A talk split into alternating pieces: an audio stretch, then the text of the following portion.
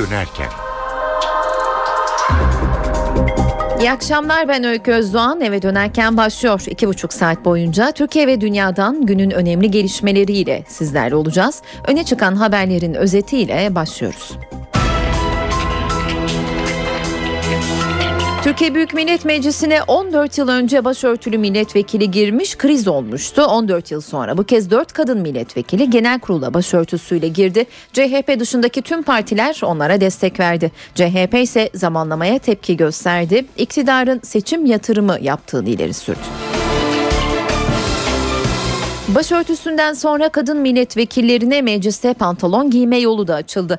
CHP'nin engelli kadın milletvekili Şafak Pavey'in alkışlarla karşılanan konuşmasından sonra meclis başkanı açıklama yaptı. Şafak Pavey pantolonla gelebilir, iç tüzükte engel yok dedi. Mustafa Sarıgül krizi çözüldü. Sarıgül sonunda CHP'ye dönüyor. Taraflar arasında ilk resmi temas bugün gerçekleşti. CHP Genel Başkan Yardımcısı Adnan Keskin Şişli Belediyesi'ne gitti. Sarıgül'e CHP'ye hoş geldin dedi. Sarıgül gözyaşlarını tutamadı. Ve spor gündeminin önemli haberi milli takım teknik direktörü Fatih Terim suskunluğunu bozdu. Galatasaray'dan ayrılma nedenini açıkladı.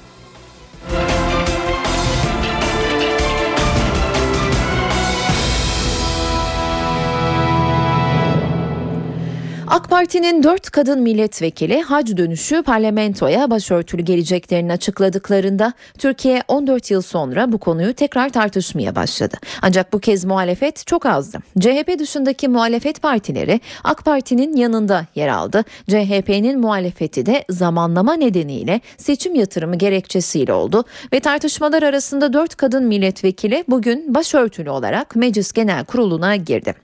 Yabancı ajansların flash gelişme olarak olarak dünyaya duyurduğu o anda 14 yıl önceki gibi bir gerginlik olmadı. Grup olarak tepki vereceği söylenen ana muhalefet kendi ifadesiyle seçim öncesi hükümetin ekmeğine yağ sürmemek için sadece eleştirel nitelikte bir açıklama yaptı.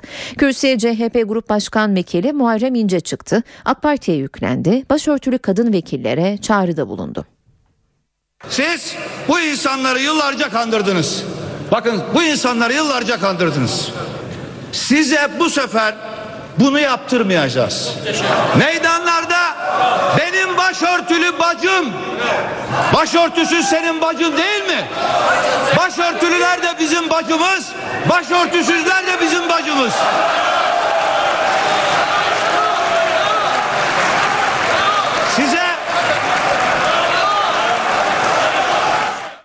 MHP adına ise kürsüye bir kadın vekil geldi. MHP Grup Başkan Vekili Ruhsar Demirel AK Partili 4 kadın vekile destek verdi ancak bazı uyarılarda bulundu.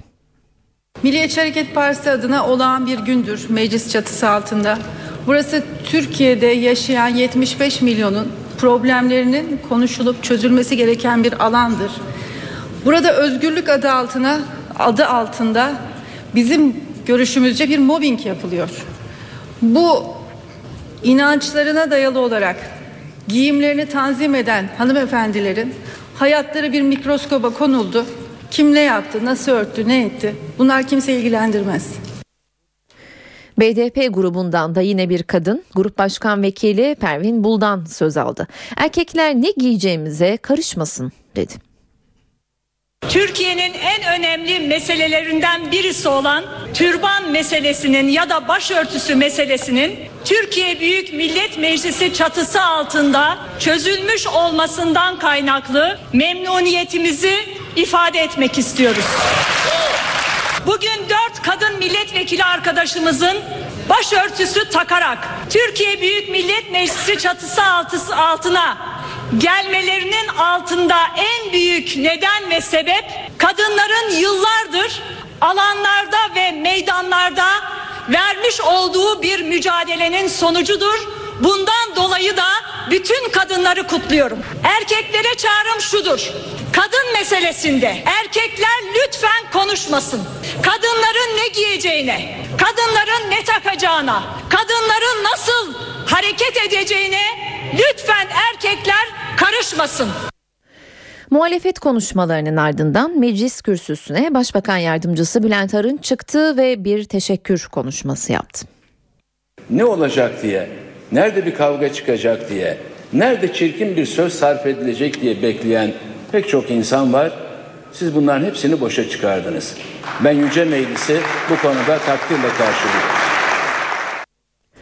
Parti yetkililerinin ardından kürsüye gündem dışı konuşma yapmak üzere CHP'li Şafak Pavey çıktı. Meclisin engelli milletvekili Şafak Pavey pantolon yasağının mağduruydu. Duygu yüklü bir konuşma yaptı. İşte Pavey'in sözleri. Mecliste pantolon giymesi bir erkek vekil tarafından engellenmiş bir kadın vekil olarak yapıyorum. Başımı açarak bir daha kirlenmeyeceğim. Bu durumda başı açık olanlar kirlenmişler midir? İnanç üstünden, inanç üstünden öbürünü inanç Sayın üstünden size ek süre veriyorum. Kirli ilan, ilan lütfen. edebilmek kimin haddi olabilir? Adaletle öç almak arasındaki farkı en kısa zamanda öğrenmeye mecbursunuz. Bizden çatışma bekleyenler için altını çizmek istiyorum. Biz çatışmıyoruz. Var olmak için direniyoruz. Ve Şafak Pavey'in konuşması ayakta alkışlandı. Meclise başörtüsüyle gelen AK Parti'nin kadın milletvekillerinden biri Sevde Bayazıt Kaçar'dı. Kaçar genel kurula girdikten sonra kısa bir açıklama yaptı. Tedirgin olmadım. Türkiye için güzel bir ortamdı dedi. Meclis Başkanı Cemil Çiçek'in de değerlendirmeleri oldu. Ayrıntıları NTV muhabiri Murat Barış Koralp'ten dinliyoruz. Aslında genel kurula girdikten sonraki ilk tepkisi, ilk sözleriydi. Çünkü kısa bir mola vermişti genel kurul görüşmelerine. O sırada meclis kulisinde tabii bütün haberciler kendisini ve diğer 3 ismi bekliyordu. Sevde Bayezid Kaçar'a tedirgin olup veya e, heyecanlı olup olmadığını sordum. Şöyle bir yanıt verdi. Tedirgin hiç olmadım. Ne güzel ki ne mutlu ki Türkiye bu sorunu bizlerin sayesinde aştı dedi. İlk tepkisi, ilk yorumu böyle oldu.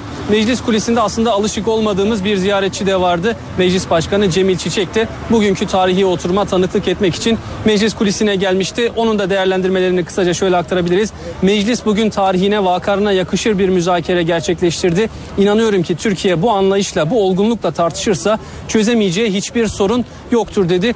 CHP İstanbul Milletvekili Şafak Pavey'in durumu da soruldu meclis başkanına. Bana ilk gün bu konuyu aktardıklarında Şafak Hanım'ın pantolonla genel kurula gelmesinde hiçbir sakınca görmediğimi ifade etmiştim. Halen o noktadayım dedi meclis başkanı ama kişisel inisiyatiflere bırakmaya gerek yok. Bugünkü anlayış olursa bunu da çözebiliriz dedi. E, meclis başkan vekilleri kadın meclis başkan vekillerinin giydiği kıyafeti örnek gösterdi. O konuda iş tüzükte bir e, şey yok bir atıf yok ancak bunu biz bir şekilde olgunlukla hallettik. Şafak Pavey'in durumunu da bugünkü anlayış ele alındığında bu olgunlukla çözebiliriz dedi Meclis Başkanı Cemil Çiçek. Ee, Fatma Şahin yine meclisin meclis iktidar kulisinin e, konuklarından biriydi. Meclis milletin ta kendisidir. Meclis sorunun değil çözümün bir parçası olduğunu bugün göstermiştir dedi Fatma Şahin. Şimdi Meclis Genel Kurulu'nun kritik oturumundan izlenimleri alacağız. Türkiye'de bir dönem bitti. Mecliste bu ana tanık olmak için yüzlerce kişi izleyici localarını doldurdu. NTV muhabiri Miray Aktağ-Uluç izlenimlerini aktarıyor.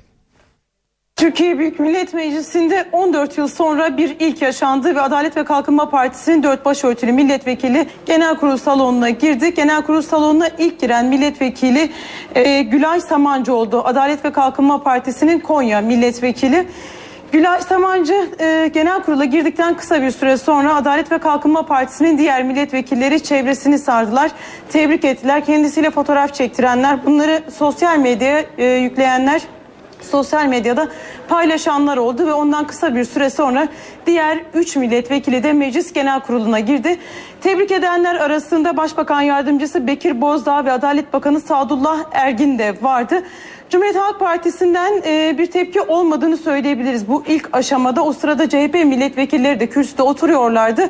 E, onlar arasında tek bir milletvekili Cumhuriyet Halk Partisi Uşak milletvekili Dilek Akagün Yılmaz üzerinde Atatürk e, resmi olan bir tişörtle Meclis Genel Kurulu'na katıldı.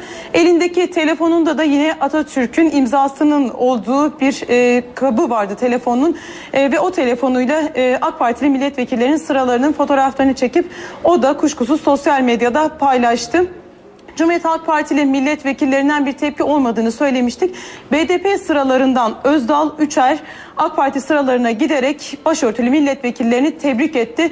BDP'den bir tebrik de geldi ve bugün genel kurulda yeni kurulan bir parti HDP'nin genel başkanı, eş genel başkanı Sabahat Tuncay'da bir konuşma yaptı. Bu da bugün meclisin ilkleri arasında yer aldı. Konuşmacıların e, konuşmaları tamamlandıktan sonra veya devam ederken Adalet ve Kalkınma Partisi milletvekilleri tüm konuşmacıları alkışladı. Hepsinden alkış geldi. Özellikle Muharrem İnce'nin başörtüler de bizim bacımız, başörtüsüzler de bizim bacımız sözleri genel kurulda büyük bir alkışın kopmasına neden oldu ve e, bugün meclisteki kalabalığı aktarmamız gerekirse meclisin aslında tüm köşeleri basın mensupları tarafından tutulmuştu. 1 Ekim meclisin açılma gününde de aslında böyle bir kalabalık yoktu. İstanbul'dan gelen çok sayıda basın mensubu vardı. Ankara'nın olağan kalabalıklığı zaten bugün vardı ama mecliste son derece kalabalık bir gün olduğunu yine altını çizmekte fayda var. Büyük Birlik Partisi'nin genel başkanı Mustafa Destici de yine izleyici sıralarında yerini aldı. O da kurmaylarıyla beraber meclis genel kuruluna katıldı. Konuşmaların neredeyse tamamını izledikten sonra o da genel kuruldan ayrıldı. Ee, Bunun yanı sıra aktarmamız gereken e, başka notlar e, varsa basın mensuplarının yine tüm köşeleri doldurduğunu bir kez daha hatırlatmakta fayda var. Gün için tarihi dedik. Şimdi bu ifadenin içine dolduralım. Mecliste 14 yıl önceye gidelim. Fazilet Partisi milletvekili Merve Kavakçı başörtüsüyle geldiği meclisten çıkmak zorunda kalmıştı. O gün Kavakçı ile meclise gelen, onunla aynı sırayı paylaşan milletvekili gazeteci yazar Nazlı Ilıcak'la konuşacağız. Sayın Ilıcak yayınımıza hoş geldiniz. Hoş bulduk. 14 yıl önce 14 yıl sonrayı konuşacağız Sayın Ilıcak. Önce 1999'a gidelim isterseniz. Pek çok kez anlattınız ama o günkü duygularınız, düşünceleriniz neydi? Ee, aslında tabii böyle bir tepkiyle karşılaşacağımı tahmin etmiyordum. Ee, benim de mecliste ilk günümdü. Ee, bir e, nebze tepki gösterilebilir diye düşünüyordum. Ee, Merve Kavakçı hani kürsüye çıktığında belki ona laf atabilirlerdi, sataşabilirlerdi. Ama bu şekilde kürsünün etrafı sarılmak suretiyle konuşturulmaması ve dışarı dışarı diye bağırılmasını işte bu kadına haddini bildiriniz e, söylemini tabii ki hiç beklemiyordum. Bence kimse de beklemiyordu. Çünkü Ecevit biliyorsunuz inançlara saygılı bir laiklik görüşünü her zaman savunmuştu. Hı hı. O tarihte Cumhuriyet Halk Partisi mecliste değildi. Fazilet Partiler şöyle düşündüler. Hani Ecevit'in olması daha iyi. Çünkü Cumhuriyet Halk Partisi daha katı bir laikliği temsil ediyor. Ama maalesef e, tam tersine bir tabloyla karşı karşıya kalındı. Peki Sayın Ilıcak bugün normalleşme sağlandı denebilir mi? Parlamentoda kadın milletvekilleri erkeklere bize karışmayın dediler. Nasıl yorumladınız bugünkü tabloyu? Şimdi yani erkekler e, karışmasın da kadınlar destek vermeli ki başörtülü kadınlara. E, ben mesela diyelim ki biz o zaman e, parlamentodan e, biliyorsunuz e, yasak kapsamına girdik. Hem ben hem Merve Kabakçı parlamentodan e, laikliğe karşı bir odak teşkil ettiğimiz gerekçesiyle atıldık. O, o zaman hiçbir kadın başı açık kadın ve diğer kadınlar hatta sivil toplum örgütleri sahip çıkmadı. Tam tersine e, kadınlar ön plandaydı e, başörtülü kadınları kınamak açısından. O bakımdan bu e, erkeklerle e, başörtülü kadınların yürüttüğü bir mücadeleydi. Başı açık kadınlar buna destek vermedi. O bakımdan ben hani bizim üzerimizden siyaset yapmayın, e, işte kadınların işine karışmayın söylemini doğru bulmuyorum. E, bu burada netice itibariyle bir özgürlüğün e, sağlanması için e, verilen bir mücadele söz konusu. Bunu erkekler de verebilir, kadınlar da el ele verebilir. Evet bugünse kadın milletvekillerinin tutumu daha farklıydı. Öyle değil daha mi? farklıydı. Çok farklıydı 14 yıl öncesine göre. Ee, peki bugünkü tabloyu e, kısaca nasıl yorumladığınızı e, soralım. E, bugünkü tabloyu olumlu yorumluyorum. Özellikle yani BDP ve MHP daha bir içtenlikle özgürlük adına başörtüsüne sahip çıktılar. Herkesin kendisinin işte ifade hürriyeti, inanç hürriyeti kapsamında gördüler. Hani CHP'de biraz daha ikircikli bir tavır var. Ee, bunun sebebi CHP'nin yapısı, ikili bir yapısı var. Bir yandan özgürlüklere doğru yelken açmak isterken bir yandan laikçi, ulusalcı bir tabanı da var. Onu da hoşnut etmeye gayret ediyor. O bakımdan e, biz fazla kıyameti kopartmayacağız, fazla gürültü yapmayacağız. Çünkü sizin e, mahalli seçimlerde ekmeğinize yağ sürmek istemiyoruz gibi bir gerekçe e, kullanıyorlar. Yani o açıdan birazcık e, çok fazla bir e, samimiyet göremedim tavırlarında. Daha siyasi buldum onların tavırlarını. Ama gene de ama gene de e, teşekkür etmek gerekir. E, yani 1999'daki tabloyu yaşatmadıkları için. Ee, sayın Alacak e, normalleşme sağlandı denebilir mi? Son olarak bunu da soralım. E tabii bunun sebebi aslında askeri vesayetin ve yargı vesayetinin belinin kırılması. E, 1999'da sırtını askere dayıyorlardı bu tepkileri ortaya koyanlar. Ve askerle bir arada el ele sözde layık cumhuriyeti korumaya çabalıyorlardı. Ama bugün artık bütün bunların hatalı olduğu, çok yanlış olduğu ve demokrasilerde esas verileceği görülmüş oldu. O bakımdan hani askeri vesayet olmadığı takdirde ve onun da yedeğinde giden bir yargı, yüksek yargı özellikle Anayasa Mahkemesi, Danıştay, e, Yargıtay e, o bakımdan e, tekrar bir geriye dönüş olmayabilir. E, burada yani asker olmadığı takdirde zaten e, siyasetçiler o kadar büyük tepki gösteremezlerdi. Orada bir işbirliği söz konusuydu. Bugün ise böyle bir şey yok. Artık asker kışlasında ve siyasete müdahale etmiyor. Peki. Çok teşekkür ediyoruz Sayın Alacak yayınımıza katıldığınız için. Ben teşekkür ederim. Gazeteci yazar Nazlı Ilıcak telefon hattımızdaydı. Eve dönerken devam edelim. Başörtülü vekillerin meclise gelişi yabancı ajanslar tarafından dünyaya flash gelişme olarak duyuruldu dedik. Associated Press genel kurula gelen 4 milletvekilinin hukukçu olduğuna dikkat çekti. Ajans başörtüsüne yönelik kısıtlamalar başbakanın kararıyla demokrasiyi güçlendirmek adına Eylül ayında kaldırılmıştı dedi. Reuters haberinde başörtülü milletvekillerinden Nurcan Dalbudan nasıl bir tepki vereceğini bilmiyoruz. Gidip çalışmaya devam edeceğiz dediğini aktardı. AFP'de demokratikleşme paketine atıfta bulundu ve paket kamu hizmetindeki başörtüsü yasağını kaldırmıştı dedi. Saat 17.21 eve dönerken ne yeniden karşınızdayız. Başbakan Erdoğan erken genel seçim olmayacağını açıkladı. Yatırım Danışma Konseyi toplantısında konuşan başbakan ekonomik ve siyasi istikrara vurgu yaptı. Zararımıza da olsa erken seçim olmayacak dedi. Bize bazen sorarlar erken seçim var mı? Hayır. Genel seçimler 4 yılda bir, yerel seçimler 5 yılda bir ülkemizde yapılır. Başbakan Recep Tayyip Erdoğan çok uluslu şirket yöneticilerine Türkiye ekonomisini anlattı. Türk ekonomisinin son yıllarda en büyük kazanımının istikrar olduğunu dile getirdi. Bir gün sonra ne olacağı kestirilemeyen bir Türkiye'den bir yıl, beş yıl, on yıl sonrası kalem kalem madde madde hedeflenen bir Türkiye'ye gelinmiştir. Artık bizdeki girişimci önünü görüyor. Yatırımcı önünü görüyor. 11 yıl boyunca seçim ekonomisine asla müsaade etmedik. Ekonomideki disiplini bozalım. Asla böyle bir yola başvurmadık. Yatırım Danışma Konseyi toplantısına Dünya Bankası Başkanı ve çok sayıda yabancı yönetici katıldı. Erdoğan'ın konuşması sırasında çeviri kulaklıklarında problem oldu. Top Başkanı Rıfat Hisarcıklıoğlu'nun uyarısına Başbakan espriyle karşılık verdi. Fakat Rıfat Bey sen anlaman lazım benim konuşmamı. CHP ile Mustafa Sarıgül arasındaki kriz çözüldü. Taraflar arasında ilk resmi temas bugün gerçekleşti. CHP Genel Başkan Yardımcısı Adnan Keskin Sarıgül'ün makamına gitti. CHP'ye hoş geldin dedi. Yolun açık olsun. Adnan Keskin CHP'ye hoş geldin dedi. Mustafa Sarıgül gözyaşlarını tutamadı. Bir varlık değildir. Elektrik direği gibi dikildiği yerde kalmaz.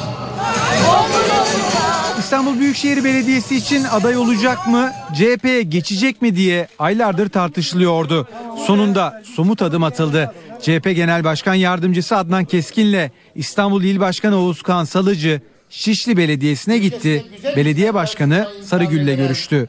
Türkiye'nin ruhundan bir yıldız gibi parlayan Mustafa Sarıgül'ün yuvasına dönme kararını kutlamaya geldim.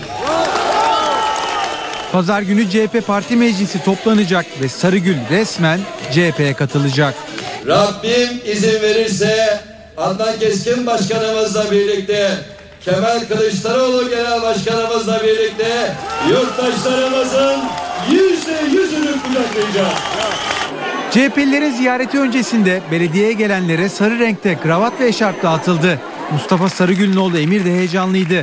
Babasının yaptığı konuşmayı aynı anda tekrarladı. 1987 yılında parlamentoda birlikte milletvekilliği yaptım. Mustafa Sarıgül'ün 9 Kasım'da İstanbul Büyükşehir Belediye Başkan adaylığı için başvurması bekleniyor.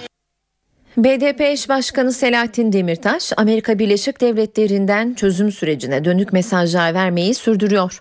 Demirtaş, sürecin uzamaması gerektiğine dikkat çekti. BDP lideri, yeni kurulan HDP'nin de genel seçimlerde 70 milletvekili çıkaracağını iddia etti. Washington'da çözüm sürecini değerlendiren BDP eş başkanı Selahattin Demirtaş, sürecin uzamaması gerektiğine dikkat çekti. Sorunun tümden çözümü için biraz zamana ihtiyaç var diyen Demirtaş, önümüzdeki iki yılı ancak karşılıklı müzakere ederek geçirirsek kalıcı çözüm yoluna doğru ilerleriz ifadesini kullandı. Bizim bölge koşullarımızda bu işin ne çok uzama e, şansı var. Çünkü Suriye'de, Irak'ta, İran'da çok hızlı gelişmeler yaşanıyor. Türkiye içinde hızlı gelişmeler yaşanıyor. Ama çok kısa sürede birkaç ay içerisinde de 100 yıllık bir sorunu çözmenin imkansız olduğunu biliyoruz.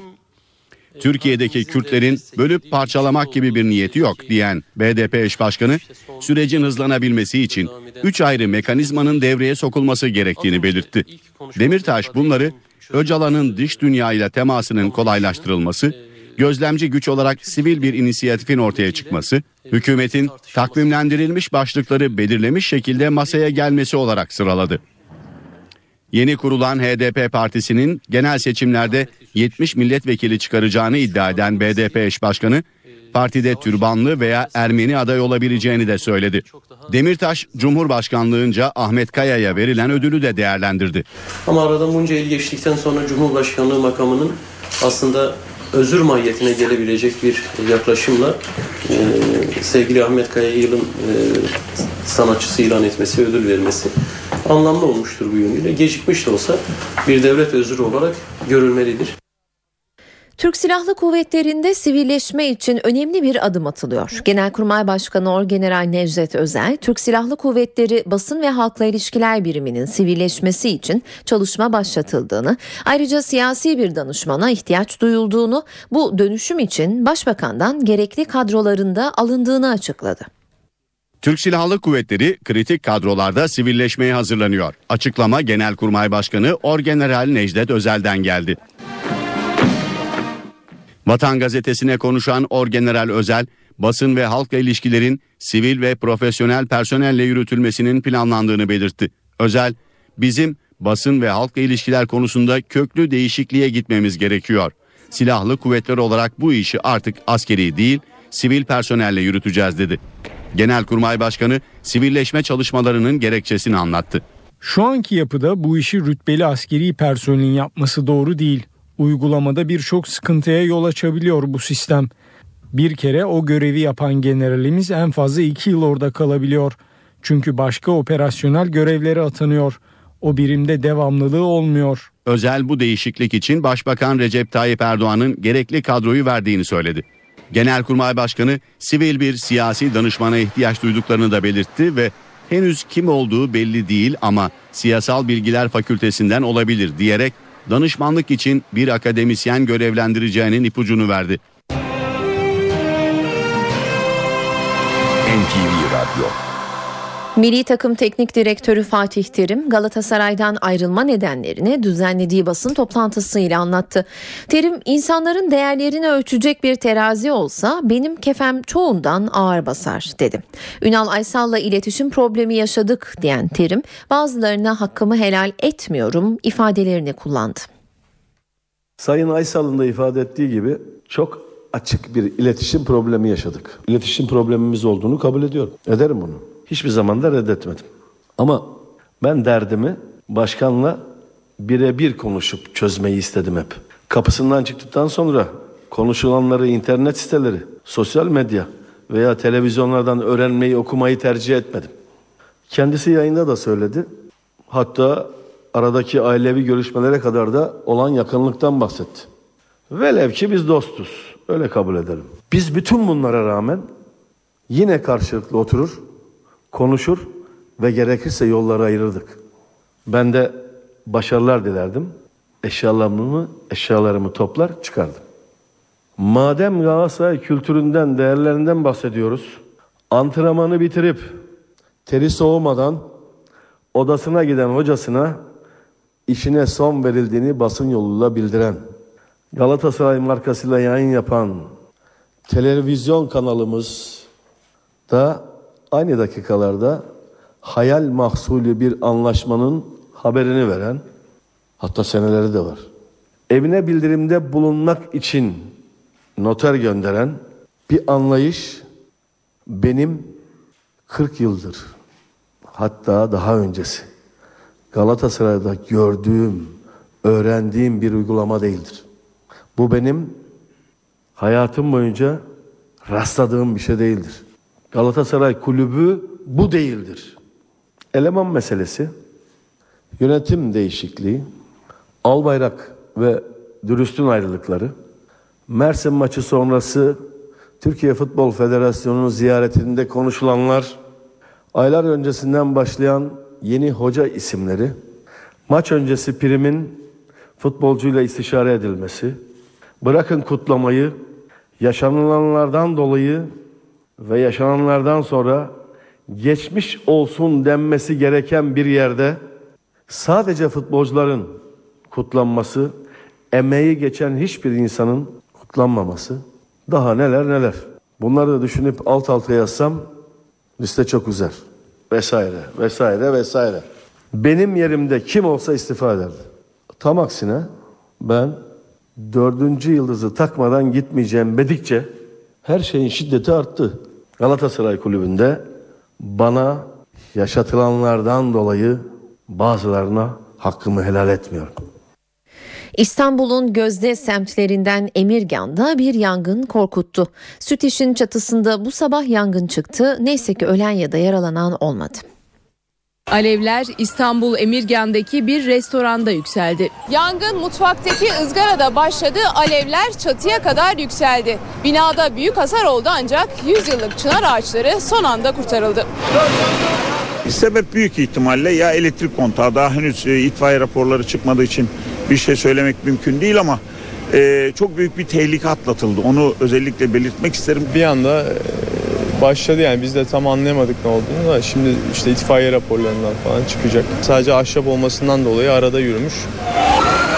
Ölen ya da yaralanan olmadı. Kısa sürede büyüyen yangına itfaiye ekipleri müdahale etti. Alevler kontrol altına alındı. Bir önce kendilerini uğraştılar söndürme. Söndüremeyince iyice yayıldı. Kolay kolay sönmedi yani. İtfaiyeler bayağı uğraştılar. Aynı nehirde iki kere yıkanmaz. Şimdi dinleyeceğiniz haber ünlü filozof Heraklitos'un bu sözünü hatırlatacak cinsten.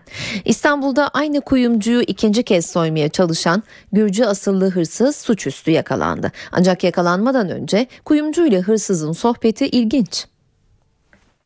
Bir ay önce soyduğu kuyumcunun kapısından girdi. Sakin bir şekilde tezgaha yöneldi. Hırsızı tanıyan kuyumcu hemen duruma müdahale etti. İstanbul Bayrampaşa'da kuyumculuk yapan İslam Memiş, polisler gelene kadar hırsıza çay ikram edip sohbet etti. Hani ben böyle bir hata yaptım, özür dileyeceğim falan yani ya da biz aranız varsa ödeyeceğim teklifiyle öyle bir aklımdan bir anıyor. Onlar geçti. Ee, hiçbir şey yokmuş gibi bir anda tezgah tekrar yönelmesi, tekrar bakılması aynı taktikle e, bu işi yapacağına kanaat getirdim. Gürcü hırsızlık zanlısı sohbet sırasında suçunu itiraf etti. Göster bana. Hangisinden attın? Zanlı polis ekiplerine teslim edildi. Türkiye'deki çocuk annelere ilişkin vahim tablo bu kez Birleşmiş Milletler Nüfus Fonu tarafından bir araştırma ile ortaya kondu. Birleşmiş Milletler'e göre çocuk yaşta anne olanların sayısı yılda 100 bine yaklaştı. Türkiye'de yılda 91 bin kişi çocuk yaştayken anne oluyor. Birleşmiş Milletler Nüfus Fonu'nun araştırma sonuçları Eskişehir Anadolu Üniversitesi'nde paylaşıldı. Günde 20 bin ergen kadın doğum yapıyor, anne oluyor. Günde 20 bin. Bunun %95'i gelişmekte olan ülkelerde, %5'i ise gelişmiş ülkelerde gerçekleşiyor. Araştırmaya göre Türkiye'de erken yaşta gebelik doğuda daha yaygın. Nedenler arasında eğitim düzeyi ve gelir durumu öne çıkıyor. Çocuk yaşta hamileliklerde düşük riski daha fazla. Dünyada her yıl yaklaşık 3 milyon ergen anne veya çocuk anne düşük yapıyor. 3 milyon düşükten bahsediyoruz. Tek başına bu rakam bile konunun ne kadar ciddi, ne kadar önemli, ne kadar zorluklar içerdiğini ve önemini bize sunuyor. Uzmanlar çocuk yaşta evlilik ve doğumların azalabilmesi için eğitim seferberliğini işaret ediyor.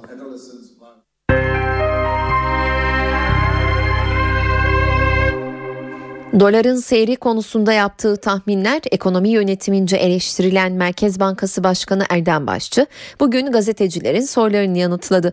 Başçı bu kez temkinli davrandı. Dolar kuru hakkında öngörüde bulunmadı. Ancak liranın güçleneceği konusunda iyimserliğini koruduğunu söyledi. Merkez Bankası'na göre liranın değerlenme ihtimali kaybetme ihtimaline göre daha fazla. Merkez Bankası Başkanı Erdem Başçı daha önce telaffuz ettiği 1.92 kur düzeyinde tahmin olmadığını söyledi. Döviz kurlarıyla ilgili ancak tahmin yapabiliriz. Varsayımda bulunabiliriz. Şimdi bizim varsayımımız, çalışma varsayımı Temmuz enflasyon raporunda 1.92 civarında bir dolar kuruna işaret ediyordu. Bu e, raporda da gene mevcut bulun, içinde bulunduğumuz ayın ortalaması. Enflasyon raporunu açıklayan Merkez Bankası Başkanı enflasyon tahminini de yükseltti. Merkez Bankası daha önce %6,2 olan yıl sonu enflasyon tahminini 6,8'e revize etti. Enflasyonun kısa vadede enerji fiyatlarındaki baz etkisi kaynaklı olarak dalgalı bir seyir izle, izlemesini beklesek de genel olarak aşağı yönlü bir eğilim göstereceğini tahmin ediyoruz. Enflasyonun tütün fiyatlarında 2013 yılı Ocak ayında gözlenen yüksek artışın yıllık enflasyon üzerindeki etkisinin ortadan kalkmasıyla 2014 yılının başlarında önemli bir düşüş sergileyeceğini öngörüyoruz. 2014 yılının son çeyreğinde ise enflasyonun hedefle uyumlu seviyelere geleceğini tahmin ediyoruz. İhracat yükseliyor. Türkiye'nin ihracatı Eylül ayında geçen yılın aynı ayına göre %1,5 artarak 13 milyar dolara, ithalatı da %3,5 artarak 20 milyar dolara yükseldi. Dış ticaret açığı da beklentilere paralel %7,6 artışla 7,5 milyar dolara çıktı. Saatler 17.40'ı gösteriyor. Eve dönerken ne yeniden karşınızdayız. Umuda yolculuk yine ölümle bitti. Bu kez denizde değil çölde can verdiler. Nijer'in Cezayir sınırı yakınlarında Sahra Çölü'nde çoğu kadın ve çocuk 92 göçmenin cesedi bulundu. Cezayir'e gitmek isterken arabaları bozulan ve çölü yaya olarak aşmaya çalışan göçmenlerin açlık ve susuzluktan öldüğü anlaşıldı. Daha iyi bir hayat ve iş umuduyla yola çıktılar ancak Sahra Çölü'nü aşamadılar. Eylül ayı sonunda iki araçla Cezayir'e gitmek için Arlit kentinden yola çıkan Nijerlileri taşıyan araçlardan biri çölde bozuldu. İkinci araç yolcularını boşaltarak yedek parça almak için Arlit'e doğru yola çıktı. Ancak o da arıza yaptı. Yardım gelmemesi üzerine Sahra çölünde kalan Nijerlilerin bir bölümü Arlit kentine döndü. Bazıları ise günlerce yürüyerek Cezayir'in Tamarraset kentine ulaştı. Ancak çoğunluğunu kadın ve çocukların oluşturduğu yüze yakın Nijerli Sahra çölünü geçemedi. Susuzluktan ölen Nijerlilerin cesetleri Cezayir sınırına yakın bölgede bulundu. Dünyanın en yoksul ülkelerinden biri olan Nijer'i terk edenler çalışmak için Kuzey Afrika ülkelerine gidiyor. Bir bölümü ise ikinci bir tehlikeli yolculuğu göze alarak Cezayir kıyılarından teknelerle Avrupa ülkelerine geçmeye çalışıyor. Dünya gündemine bakacağız şimdi. İlk sırada Suriye var. Suriye'nin kimyasal silah üretme kapasitesi tamamen imha edildi. Açıklama Suriye'nin tesislerindeki incelemeyi yürüten kimyasal silahları önleme örgütünden geldi. Örgüt ülke çapındaki 23 kimyasal tesisten 21'inin denetlendiğini kaydetti. Çatışmalar nedeniyle güvenlik riski bulunan iki tesisteki kimyasal silahlar da başka bölgeye taşındı. Suriye'deki denetçiler yapılan çalışmalarla Şam yönetimi yönetiminin kimyasal silah üretme kapasitesinin tamamen yok edildiğini kaydetti. Bundan sonraki aşama ise depolanan yaklaşık bin ton kimyasal silahın imha edilmesi. Suriye'nin elindeki kimyasal silahların gelecek yıl ortasına kadar imha edilmesi planlanıyor. Amerika Birleşik Devletleri'nin dinleme skandalı ile ilgili neredeyse her gün yeni bir iddia ortaya çıkıyor. Eski CIA çalışanı Edward Snowden'ın sızdırdığı belgeler dünyada medyanın bir numaralı gündem maddesi. Son olarak Washington'ın Vatikan'ı dinlediği Google'ın verilerine ulaştığı iddia edildi. Dinleme skandalı büyüyor. Amerika Birleşik Devletleri Ulusal Güvenlik Teşkilatı'nın son olarak Vatikan'ı dinlediği Google ve Yahoo'nun verilerine sızdığı iddiası gündemde. Vatikan olaydan haberdar olmadığını belirtiyor. Google ve Yahoo ise tepkili. İddialara tepki gösteren Google, acil bir reforma ihtiyaç duyulduğunu belirtti. Şirket böyle bir olaydan uzun bir süredir şüphelenildiğini de vurguladı. Yahoo'da şirketin veri merkezlerini korumak için sıkı kontrolleri olduğu ve bilgilere erişim izni verilmediğini kaydetti. Ulusal Güvenlik Teşkilatı ise iddiaları reddediyor. Benim bildiğim böyle bir olay olmadı. Teşkilat teröristlerle ilgili bilgi toplar. Şirketlerin verilerini almaya yetkili değiliz. Bunun için mahkeme kararlarıyla hareket etmemiz gerekiyor.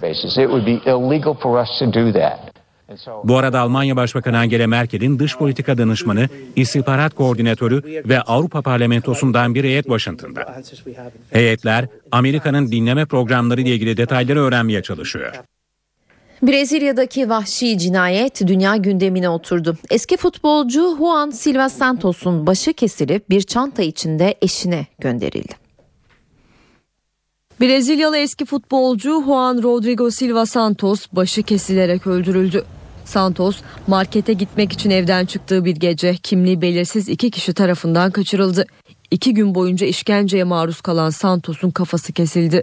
Daha sonra futbolcunun kesik başı bir sırt çantasıyla eşine gönderildi. Rio de Janeiro polisi cinayetle ilgili uyuşturucu çetesinden şüpheleniyor. Brezilya hükümeti bir süre önce ülkedeki uyuşturucu çetelerine operasyon başlatmıştı. Santos'un polis memuru eşinin de bu operasyonlarda görev almış olması şüpheleri artırıyor. NTV Radyo Eve dönerken hava durumuyla devam ediyor. Son hava tahminlerini NTV Meteoroloji Editörü Gökhan Abur'dan alacağız. İyi akşamlar. Batıda Poyraz yarın da sertleşerek sis ve pusu dağıtırken hissedilen sıcaklıkları azaltacak. Ama pazar günü lodo sıcaklıkları yeniden yükseltecek. Yarın ve hafta sonu yurt yerinde yağış beklemiyoruz. Batıda hava parçalı bulutlu ama iç kesimlerde genellikle açık. O nedenle sabah ve gece saatlerinde yine sis ve pus oluşacak. Önümüzdeki haftanın ilk günlerinde Lodos'la birlikte batıda kısa süreli de olsa yağışın yeniden başlamasını bekliyoruz. İstanbul'da yarın hava zaman zaman bulutlanacak. Rüzgar ise sert esmeye devam edecek ve hissedilen sıcaklık 15-16 derece civarında olacak. Gece sıcaklığı ise 11 derece. Ankara'da öğle saatlerinde hava açık. Rüzgar oldukça zayıf. Sıcaklık gündüz 20, gece ise 4 derece olacak. İzmir'de de çok zayıf bir rüzgar var. O bakımdan körfezdeki pus etkisini sürdürmeye devam edecek. Sıcaklık öğle saatte de 22 dereceye çıkacak ama gece sıcaklığı 11 derecenin altına inecek. Akdeniz boyunca da hava açık ve o bölgede özellikle Antalya ve civarında yine yüksek sıcaklıklar var. 25-26 derecelere kadar çıkmasını bekliyoruz. Güneydoğu'da hava açık. Doğuda da gündüz sıcaklıkları yüksek ama geceler soğuk geçmesini sürdürecek. Hepinize iyi akşamlar, iyi günler diliyorum. Hoşçakalın. Kültür sanatla devam edelim. Günün etkinliklerinden öneriler var sırada. Jolly Joker İstanbul'da Mehmet Akbaş dinlenebilir bu akşam. Çağdaş Kürt müziğinin güçlü seslerinden Mehmet Akbaş son albümünün tanıtım konseri için müzikseverlerle bir araya geliyor. Performansın konuk sanatçıları ise Şevval Sam, Erdem Helvacıoğlu ve Ayfer Düzdaş. Performansın saat 21'de başladığını belirtelim. Alexander Rudin ve Hüseyin Sermet ise Aya İrin Müzesi'nde olacak bu akşam. İstanbul Bah Günleri kapsamında bir araya gelen iki müzisyen saat 20.30'da başlıyor performansına. Peik ise Beyoğlu Hayal Kahvesi'nde hayranları için bir konser veriyor. Blues ve reggae ağırlıklı müziğiyle tanınan Peik, sevilen şarkılarını seslendireceği konserine saat 22.30'da başlayacak. Bu akşam Regina Carter'da İstanbul'u müzikseverlerle buluşuyor. Afrika halk müziği ezgilerini ve enstrümanlarını çağdaş caz ve popun enerjisiyle birleştiren Reverse Thread isimli son albümünden şarkılar seslendirecek Regina Carter. Performans başlama saati 20. Konser mekanı ise Zorlu Center Performans Sanatları Merkezi. Grup gün doğarken de hayranları için bir konser veriyor bugün. Sevilen grup saat 22'de sahnede olacak. Konsere Kadıköy sahne ev sahipliği yapıyor. Ceylan Ertem de Ankaralı sevenleriyle buluşuyor bu akşam. Ertem If Performance Hall'de saat 21'de başlıyor konserine. Tiyatro severler için de önerilerimiz var. Gizli özne sahneye konuyor bu akşam İstanbul'da. Tek tutkusu resim olan ama yaptığı resimleri kendinden başka kimseye beğendiremeyen Eray'la bir şirkette muhasebecilik yapan, hayatını mesai saatlerine göre yaşayan Yasin'in hikayesini anlatıyor oyun. Gizli özne Akatlar Kültür Merkezi'nde sahneleniyor. Oyunun saat 20.30'da perdelerini açtığını ekleyelim. Şehir tiyatroları Ümraniye sahnesinde de Kösem Sultan görülebilir. Turan Oflazoğlu'nun iktidar üçlemesinin son oyunu olan Kösem Sultan saat 20'de başlıyor. Oyun gelini Turhan Sultan'la çatışarak iktidar hırsıyla ölüme koşan Kösem Sultan'ın tragediyasını tarihimizin önemli bir kesimini yansıtıyor. Bu akşam evdeyseniz CNBC'de Oliver Twist izlenebilir. Roman Polanski'nin yönetmen koltuğunda oturduğu filmde başrolleri Bernie Clark, Ben Kingsley ve Jeremy Swift paylaşıyor. Filmin başlama saati 22. Öncesinde ise saat 21'de Helen Wells ekranda olacak. Star TV'de ise saat 20'de yerli dizi Aramızda Kalsın ekrana gelecek. Saat 18 ben Öykü Özdoğan eve dönerkenin bu bölümünde günün öne çıkan özetlerini aktaracağız.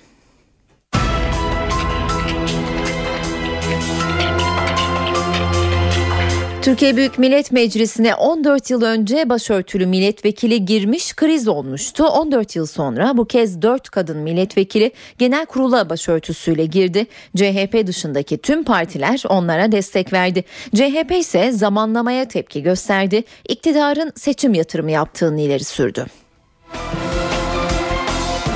Başörtüsünden sonra kadın milletvekillerine mecliste pantolon giyme yolu da açıldı. CHP'nin engelli kadın milletvekili Şafak Pavey'in alkışlarla karşılanan konuşmasından sonra meclis başkanı açıklama yaptı. Şafak Pavey pantolonla gelebilir iç tüzükte engel yok dedi. Mustafa Sarıgül krizi çözüldü. Sarıgül sonunda CHP'ye dönüyor. Taraflar arasında ilk resmi temas bugün gerçekleşti.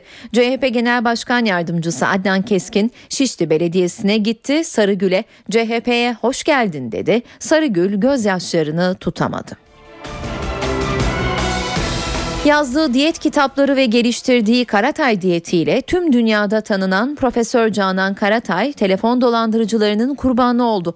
Dolandırıcılara 50 bin dolar ve 10 bin lira kaptırdıktan sonra gerçek polislerin uyarısıyla durumu öğrenen Karatay yaşadıklarını beni sanki hipnotize ettiler. Polisle gizli operasyon yapıyoruz sandım ve çok heyecanlandım diye anlattı.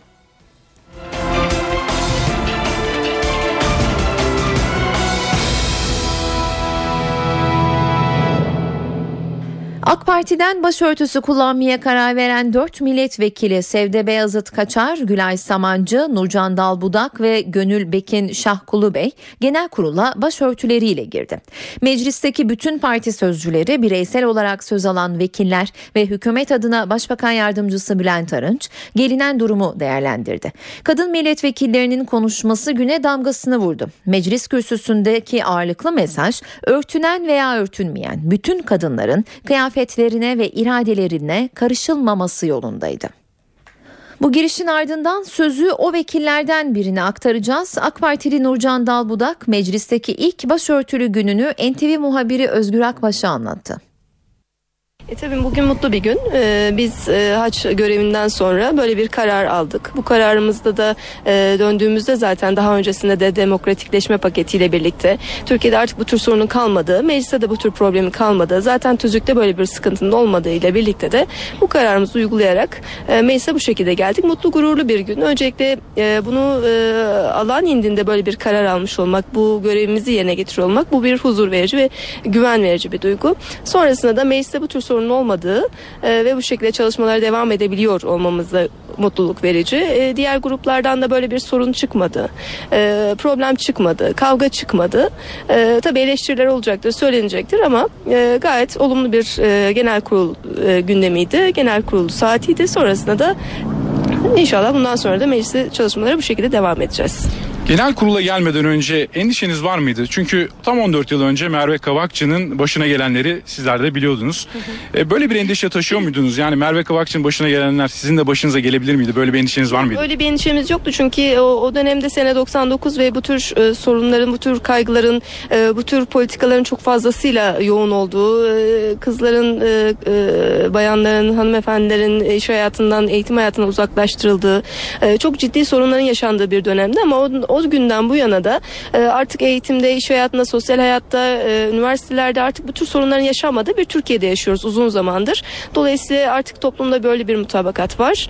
E, yasal olarak, anayasal olarak bu bizim hakkımız. Yönetmeliklerde de bu sıkıntı kaldırıldığına göre artık böyle bir sorun ve sıkıntı olacağını zaten düşünmüyorduk.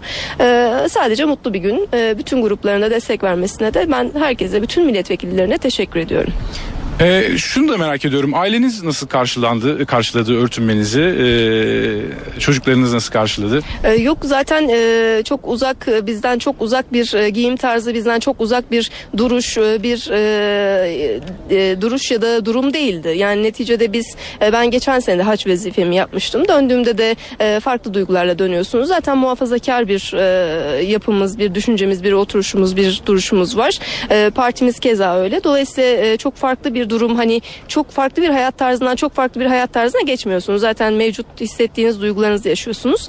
E, sadece başınızı e, örtüyorsunuz ve bu şekilde hayatınıza devam ediyorsunuz. Çok e, olağanüstü bir durum değildi yani. Olan var olan bir şeydi. E, Meclis Genel Kurulu'ndan sizin bu iradenize yani dört kadın milletvekilinin başörtüsü takmasına bir saygı aslında çıktı. E, bunu nasıl karşılıyorsunuz? E, bu çok önemli bir gelişme galiba değil mi? E, tabii ki yani e, bugün e, o kavganın gürültünün olmayışı, e, insanların birbirine saygı duyuşu, e, partideki arkadaşlarımızın hepsinin tebrikleri e, ve olumlu duruşlar bunların hepsi çok güzel bir tablo. Çok güzel bir Türkiye tablosu. İstenilen beklenen buydu. Biz e, birçok e, dünyadaki parlamentolara göre çok daha öncesinde kadına seçme seçilme hakkını vermiş bir ülkeyiz. Dolayısıyla biz şimdi kadınlara e, seçebilirsiniz ama seçilemezsiniz kaldırıp hem seçebilirsiniz hem seçilebilirsiniz noktasında önemli bir adım atılmış oldu. Artık milletvekillerinde daha üst makamlarda e, başörtülü, başörtüsüz fark etmez. Nasıl giyinmek istiyorsa, nasıl kendini özgür hissediyorsa bu konuda e, olan hanımefendileri göreceğiz. Bu da Türkiye için çok güzel bir tablo. Şafak Pavey'in CHP milletvekili, İstanbul milletvekili Şafak Pavey'in eleştirileri oldu. Özellikle sizlerin e, kadınların özgürlüğüne özgürlüğü noktasında e, konuşma yapmadığınız yönünde. E, bundan sonra bu eleştirileri öncelikli olarak nasıl değerlendiriyorsunuz? Bundan sonra kadınların özgürlüğü anlamında bir e, çabanız olacak mı? Şimdi kadınların özgürlüğü dediğinizde e, belki 60'lı 70'li yıllardan başlayan başörtüsüyle alakalı çok ciddi sıkıntılar var. 80'lerde var, 28 Şubatlar var ve sadece 28 Şubat'ta 5000 tane öğretmen işinden ayrıldı. Yani bunu bir sayıya rakama döktüğünüzde 10 binleri bulan bir rakam var. Şimdi bu kadınların özgürlüğündeki e, sıkıntıyı biz çözmüş olduk. Diğer türlü bütün özgürlüklerle, bütün sadece kadınlar değil, Türkiye Cumhuriyeti'nde yaşayan bütün vatandaşların, bütün kesimlerin ve e, grupların özgürlüğünde e, çok ciddi adımlar atılıyor. O yüzden de biz e, bundan sonrası için zaten biz kadının eğitim hayatında olmasını destekliyoruz ve bu konuda da zaten veriler ilk öğretim e, olsun, üniversite olsun, yüksek öğretim olsun çok ciddi veriler var ve çok ciddi iyileşmeler var. 81 ilde açılmış üniversiteler var. İş hayatında çok ciddi ilerlemeler var. %26-27'lere gelmiş bir rakam. Dolayısıyla biz kadının e, ekonomik hayatta, istihdamda e, ve e, eğitim hayatında devamlılığını devam ettirdikçe, bu yönde politikalar izledikçe e, kadınların özgürlüğünü e, ve kadınların çok daha e, iyi bir e, hayat tarzının olacağını, çok daha rahat bir e, hayat tarzının olacağını zaten bu konuda çalışmalarımız var ve bu politikalar devam edecek. Parti yetkililerinin ardından kürsüye gündem dışı konuşma yapmak üzere CHP'li Şafak Pavey çıktı. Meclisin engelli milletvekili Şafak Pavey pantolon yasağının mağduruydu. Duygu yüklü bir konuşma yaptı. İşte Pavey'in sözleri. Mecliste pantolon giymesi bir erkek vekil tarafından engellenmiş bir kadın vekil olarak yapıyorum. Başımı açarak bir daha kirlenmeyeceğim. Bu durumda başı açık olanlar kirlenmişler midir? İnanç üstünden, inanç üstünden öbürünü inanç Sayın üstünden Pave size ek süre veriyorum. Kirli ilan, ilan edebilmek kimin haddi olabilir? Adaletle öç almak arasındaki farkı en kısa zamanda öğrenmeye mecbursunuz. Bizden çatışma bekleyenler için altını çizmek istiyorum. Biz çatışmıyoruz. Var olmak için direniyoruz. Şafak Pavey'in konuşmasının ayakta alkışlandığını hatırlatalım. Başörtülü vekillerin meclise gelişi yabancı ajanslar tarafından dünyaya flash gelişme olarak duyuruldu. Associated Press genel kurula gelen 4 milletvekilinin hukukçu olduğuna dikkat çekti. Ajans başörtüsüne yönelik kısıtlamalar başbakanın kararıyla demokrasiyi güçlendirmek adına Eylül ayında kaldırılmıştı dedi. Reuters haberinde başörtülü milletvekillerinden Nurcan Dalbudan nasıl bir tepki verecek vereceklerini bilmiyoruz. Gidip çalışmaya devam edeceğiz dediğini aktardı. AFP'de demokratikleşme paketine atıfta bulundu ve paket kamu hizmetindeki başörtüsü yasağını kaldırmıştı dedi. Saat 18.14 gelişmeleri aktarmaya devam ediyoruz. Katma değer vergisi bilinen adıyla KDV oranları artırılmayacak. Açıklama Maliye Bakanı Mehmet Şimşek'ten. Şimşek'in bireysel emeklilik sistemiyle ilgili de değerlendirmeleri oldu. Ayrıntıları telefon hattımızda bulunan NTV Ankara İstihbarat Şefi Ahmet Ergen'den alacağız. Ahmet seni dinliyoruz. Ülke Maliye Bakanı Mehmet Şimşek e, ikinci gün çalışmaları devam eden 5. İzmir İktisat Kongresi'nde konuştu. Küresel ekonomik kriz sonrasında kamu yönetiminde yeni eğilimler, e, reform çalışmaları ve bunun Türkiye e, yansıması başlıklı bir oturuma başkanlık yapıyor Maliye Bakanı Mehmet Şimşek ve oturumun açılışında yaptığı konuşmada Türkiye'de dolaylı vergilerin yüksek olduğunu söyledi ve bunun sebebini gelir ve kurumlar vergisinin vergilerinin daha doğrusu yeterince toplanamamasına bağladı. Ancak katma değer vergisi açısından bakıldığında Türkiye Avrupa Birliği'nin en düşük oranlarına sahip dedi. Üç farklı kademede katma değer vergisi uygulandığını hatırlattı Bakan Şimşek ve en yüksek oran olan %18'e bile bakıldığında Türkiye'nin Avrupa'nın en düşük oranlı katma değer vergisine sahip olduğunu vurguladı ve merak etmeyin bu oranları da artırmayı düşünmüyoruz dedi. Avrupa Birliği'nde KDV oranlarının artmaya devam edeceğine rağmen, devam edecek olmasına rağmen biz katma değer vergisi oranlarını artırmayacağız dedi.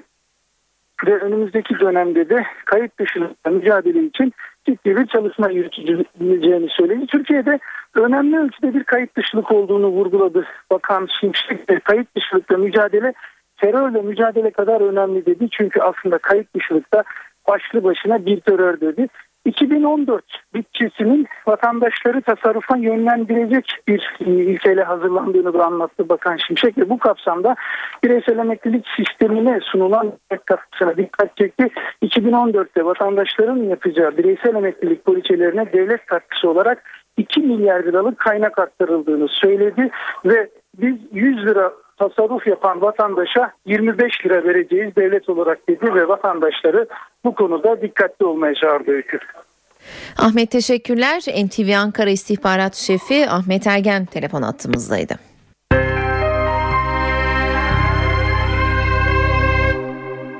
İstanbul'un gözde semtlerinden Emirgan'da bir yangın korkuttu. Süteş'in çatısında bu sabah yangın çıktı. Neyse ki ölen ya da yaralanan olmadı.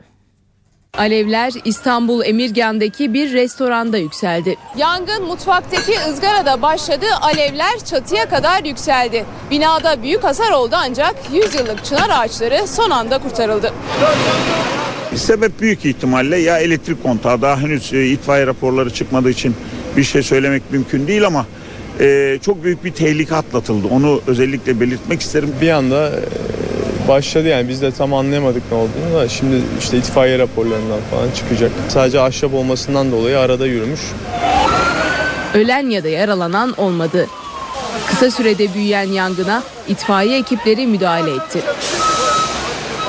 Alevler kontrol altına alındı. Önce kendileri uğraştılar söndürme.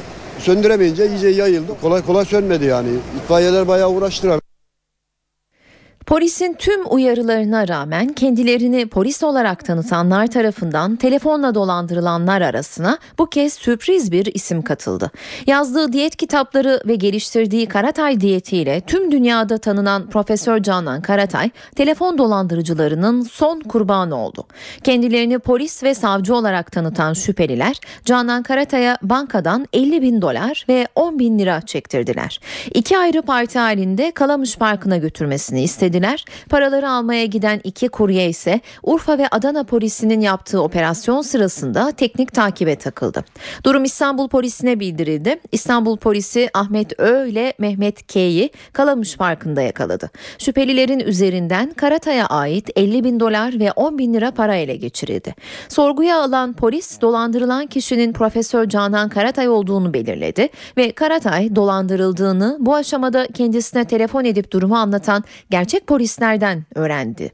Asayiş Şube Müdürlüğü'ne giderek şüphelilerden şikayetçi olan Canan Karatay yaşadıklarını nasıl dolandırıldım anlayamadım. İnsanı telefonda adeta hipnotize ediyorlar ve ne derlerse yapıyorsunuz. Devletle birlikte gizli bir operasyonun içinde olduğumu sandım. Bu beni heyecanlandırdı. Çok gizli bir operasyon yapıyoruz sanıyordum. Şimdi bu halime gülüyorum diye anlattı.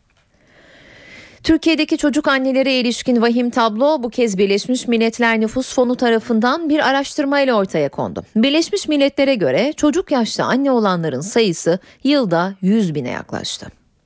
Türkiye'de yılda 91 bin kişi çocuk yaştayken anne oluyor. Birleşmiş Milletler Nüfus Fonu'nun araştırma sonuçları Eskişehir Anadolu Üniversitesi'nde paylaşıldı. Günde 20 bin ergen kadın doğum yapıyor, anne oluyor. Günde 20 bin. Bunun %95'i gelişmekte olan ülkelerde, %5'i ise gelişmiş ülkelerde gerçekleşiyor. Araştırmaya göre Türkiye'de erken yaşta gebelik doğuda daha yaygın. Nedenler arasında eğitim düzeyi ve gelir durumu öne çıkıyor. Çocuk yaşta hamileliklerde düşük riski daha fazla. Dünyada her yıl yaklaşık 3 milyon ergen anne veya çocuk anne düşük yapıyor. 3 milyon düşükten bahsediyoruz. Tek başına bu rakam bile konunun ne kadar ciddi, ne kadar önemli, ne kadar zorluklar içerdiğini ve önemli bize sunuyor. Uzmanlar çocuk yaşta evlilik ve doğumların azalabilmesi için eğitim seferberliğini işaret ediyor. Milli takım teknik direktörü Fatih Terim Galatasaray'dan ayrılma nedenlerini düzenlediği basın toplantısıyla anlattı. Terim insanların değerlerini ölçecek bir terazi olsa benim kefem çoğundan ağır basar dedi. Ünal Aysal'la iletişim problemi yaşadık diyen Terim bazılarına hakkımı helal etmiyorum diye konuştu. Sayın Aysal'ın da ifade ettiği gibi çok açık bir iletişim problemi yaşadık. İletişim problemimiz olduğunu kabul ediyorum. Ederim bunu. Hiçbir zaman da reddetmedim. Ama ben derdimi başkanla birebir konuşup çözmeyi istedim hep. Kapısından çıktıktan sonra konuşulanları internet siteleri, sosyal medya veya televizyonlardan öğrenmeyi, okumayı tercih etmedim. Kendisi yayında da söyledi. Hatta aradaki ailevi görüşmelere kadar da olan yakınlıktan bahsetti. Velev ki biz dostuz. Öyle kabul edelim. Biz bütün bunlara rağmen yine karşılıklı oturur, konuşur ve gerekirse yolları ayırırdık. Ben de başarılar dilerdim. Eşyalarımı, eşyalarımı toplar çıkardım. Madem Galatasaray kültüründen, değerlerinden bahsediyoruz.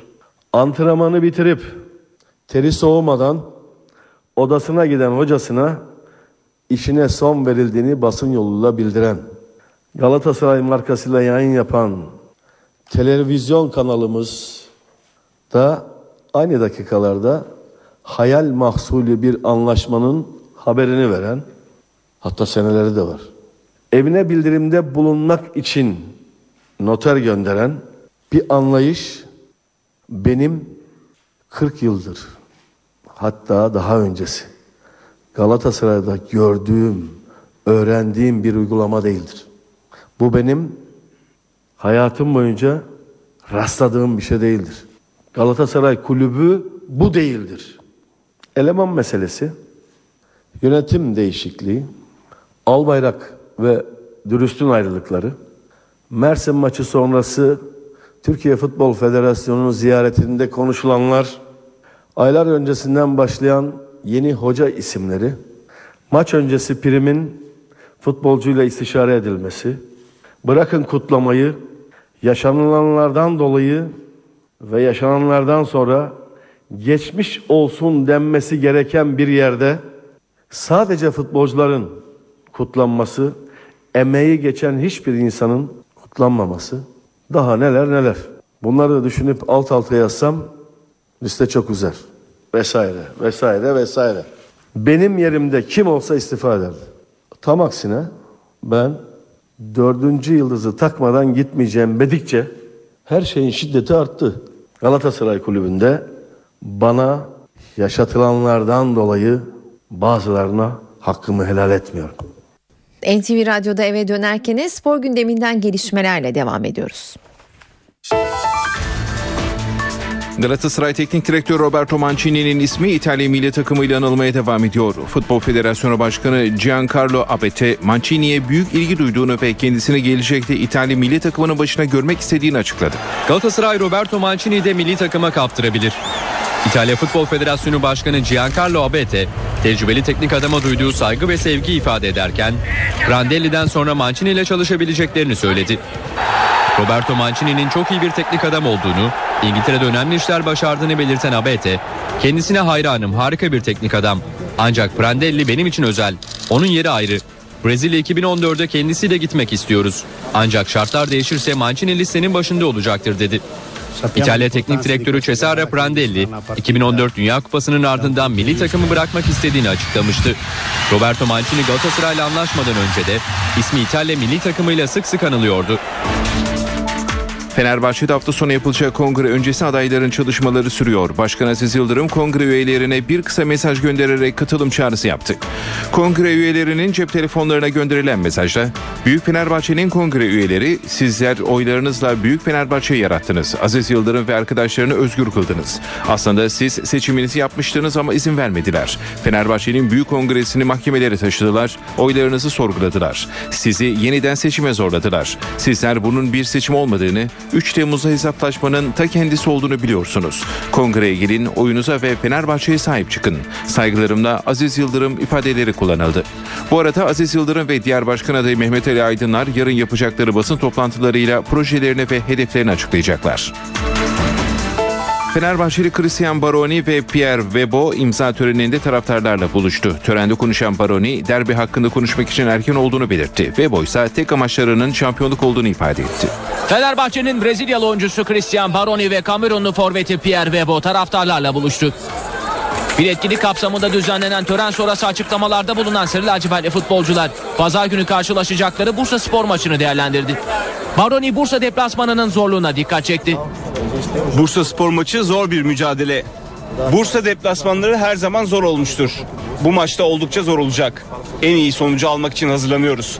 Şu an için Galatasaray maçını konuşmak istemiyoruz. Önceliğimiz Bursa maçı. Bu yüzden şimdilik Galatasaray derbisi hakkında yorum yapmayacağız. Kamerunlu forvet Webo şampiyonluk için iddialı.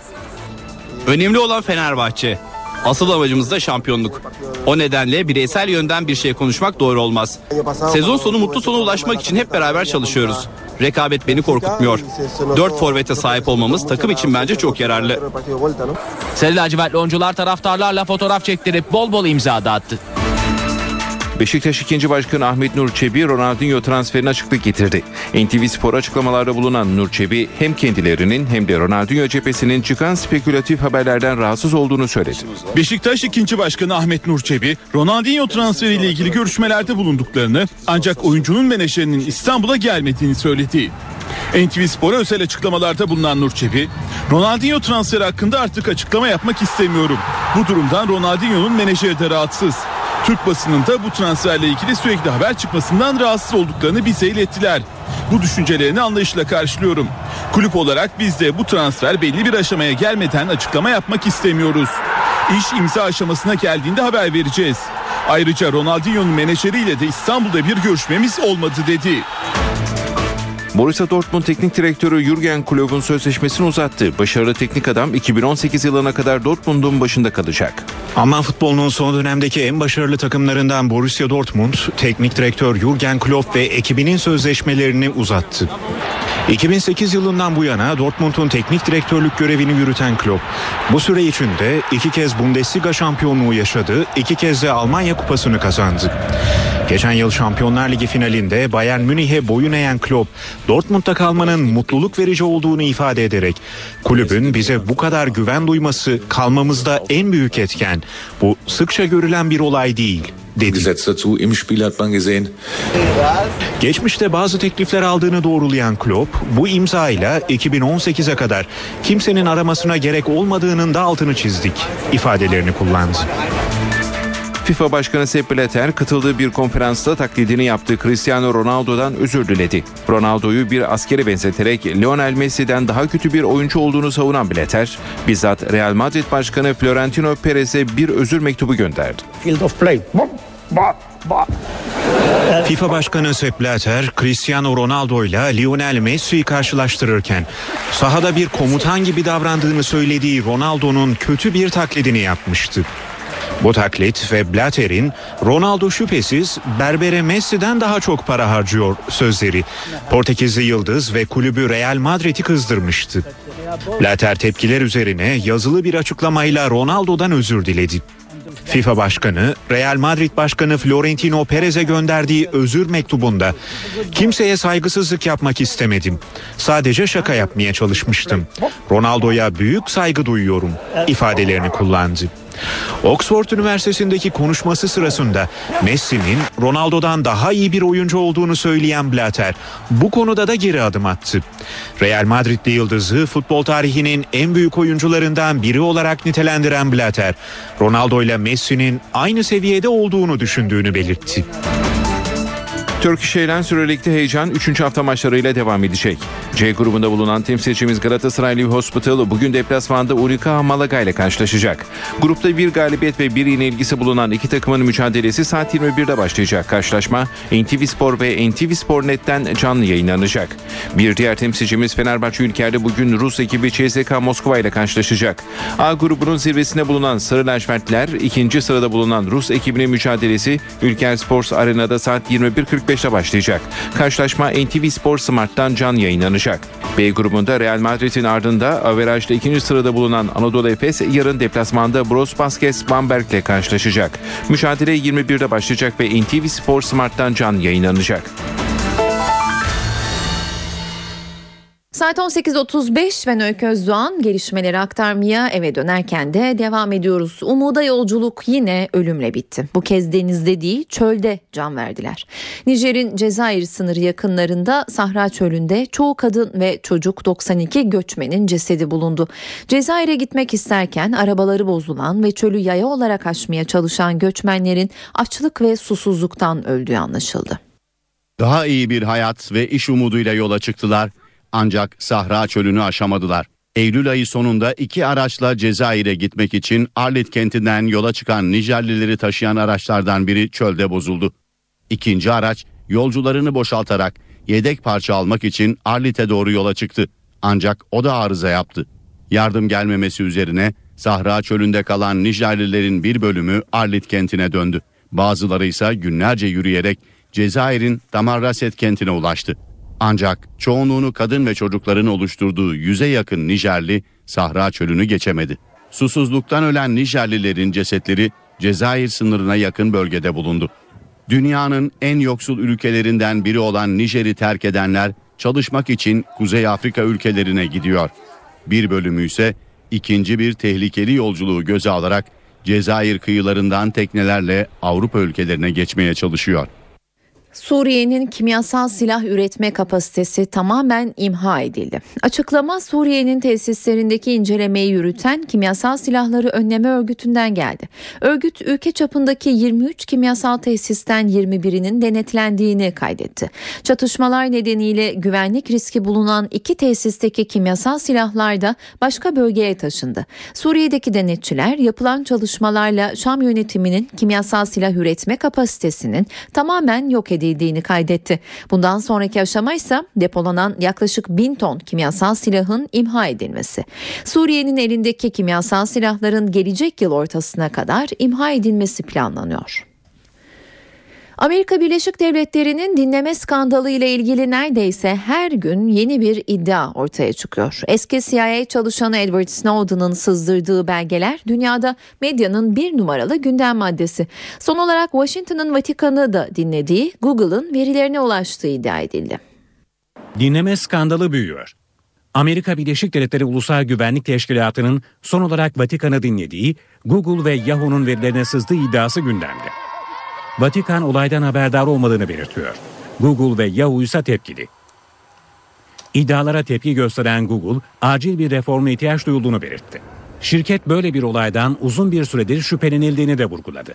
Yahoo'da şirketin veri merkezlerine korumak için sıkı kontrolleri olduğu ve bilgilere erişim izni verilmediğini kaydetti. Ulusal Güvenlik Teşkilatı ise iddiaları reddediyor. Benim bildiğim böyle bir olay olmadı. Teşkilat teröristlerle ilgili bilgi toplar. Şirketlerin verilerini almaya yetkili değiliz. Bunun için mahkeme kararlarıyla hareket etmemiz gerekiyor. Bu arada Almanya Başbakanı Angela Merkel'in dış politika danışmanı, istihbarat koordinatörü ve Avrupa Parlamentosu'ndan bir heyet Washington'da. Heyetler Amerika'nın dinleme programları ile ilgili detayları öğrenmeye çalışıyor. Brezilya'daki vahşi cinayet dünya gündemine oturdu. Eski futbolcu Juan Rodrigo Silva Santos'un başı kesilip bir çanta içinde eşine gönderildi. Brezilyalı eski futbolcu Juan Rodrigo Silva Santos başı kesilerek öldürüldü. Santos markete gitmek için evden çıktığı bir gece kimliği belirsiz iki kişi tarafından kaçırıldı. İki gün boyunca işkenceye maruz kalan Santos'un kafası kesildi. Daha sonra futbolcunun kesik başı bir sırt çantasıyla eşine gönderildi. Rio de Janeiro polisi cinayetle ilgili uyuşturucu çetesinden şüpheleniyor. Brezilya hükümeti bir süre önce ülkedeki uyuşturucu çetelerine operasyon başlatmıştı. Santos'un polis memuru eşinin de bu operasyonlarda görev almış olması şüpheleri artırıyor. Eve dönerken ara vereceğiz ama öncesinde günün öne çıkan başlıklarını hatırlayalım.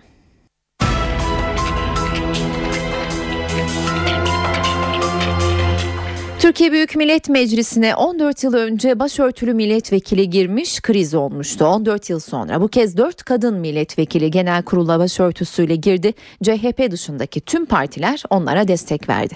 CHP ise zamanlamaya tepki gösterdi. İktidarın seçim yatırımı yaptığını ileri sürdü. Başörtüsünden sonra kadın milletvekillerine mecliste pantolon giyme yolu da açıldı. CHP'nin engelli kadın milletvekili Şafak Pavey'in alkışlarla karşılanan konuşmasından sonra meclis başkanı açıklama yaptı. Şafak Pavey pantolonla gelebilir, iç tüzükte engel yok dedi.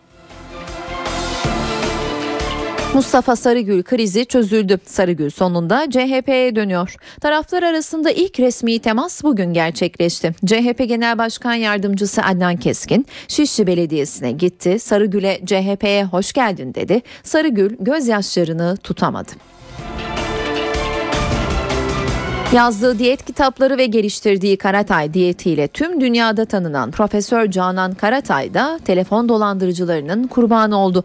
Dolandırıcılara 50 bin dolar ve 10 bin lira kaptırdıktan sonra gerçek polislerin uyarısıyla durumu öğrenen Karatay yaşadıklarını beni sanki hipnotize ettiler polisle gizli operasyon yapıyoruz sandım çok heyecanlandım diye anlattı.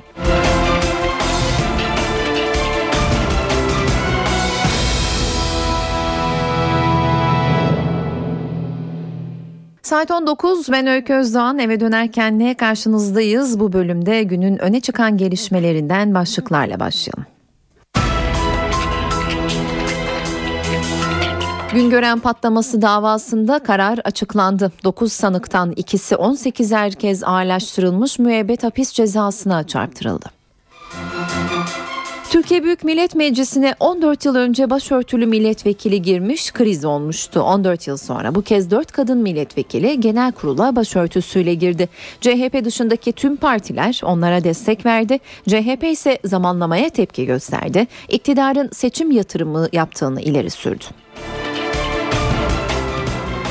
Başörtüsünden sonra kadın milletvekillerine mecliste pantolon giyme yolu da açıldı. CHP'nin engelli kadın milletvekili Şafak Pavey'in alkışlarla karşılanan konuşmasından sonra meclis başkanı açıklama yaptı. Şafak Pavey pantolonla gelebilir, iç tüzükte engel yok dedi. Mustafa Sarıgül krizi çözüldü. Sarıgül sonunda CHP'ye dönüyor. Taraflar arasında ilk resmi temas bugün gerçekleşti. CHP Genel Başkan Yardımcısı Adnan Keskin Şişli Belediyesi'ne gitti. Sarıgül'e CHP'ye hoş geldin dedi. Sarıgül gözyaşlarını tutamadı. Yazdığı diyet kitapları ve geliştirdiği Karatay diyetiyle tüm dünyada tanınan Profesör Canan Karatay da telefon dolandırıcılarının kurbanı oldu. Dolandırıcılara 50 bin dolar ve 10 bin lira kaptırdıktan sonra gerçek polislerin uyarısıyla durumu öğrenen Karatay yaşadıklarını beni sanki hipnotize ettiler. Polisle gizli operasyon yapıyoruz sandım çok heyecanlandım diye anlattı.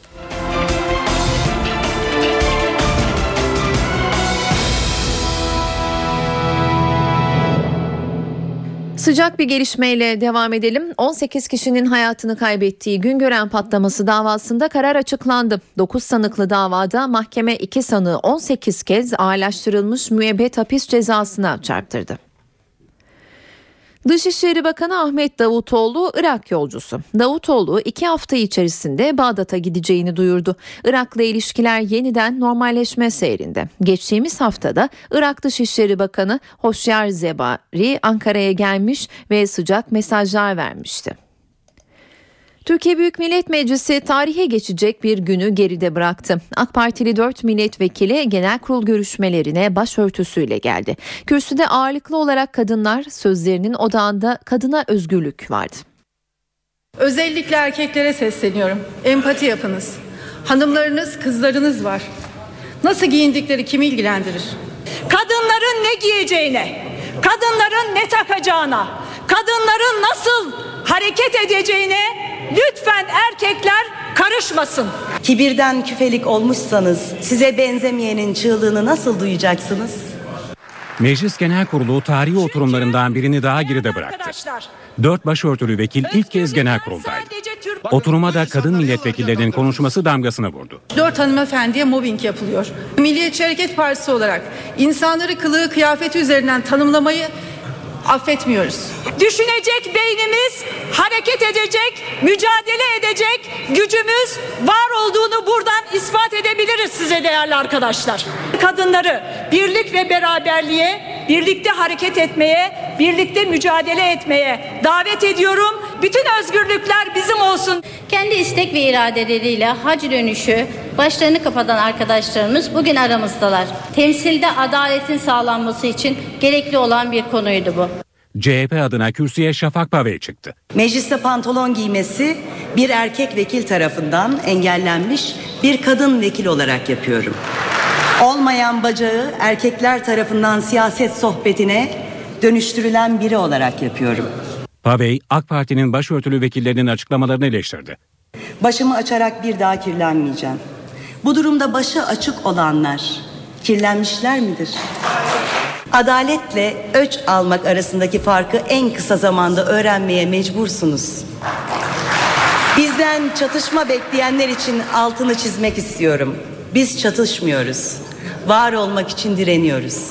CHP grubu Pavey'in konuşmasını ayakta alkışladı.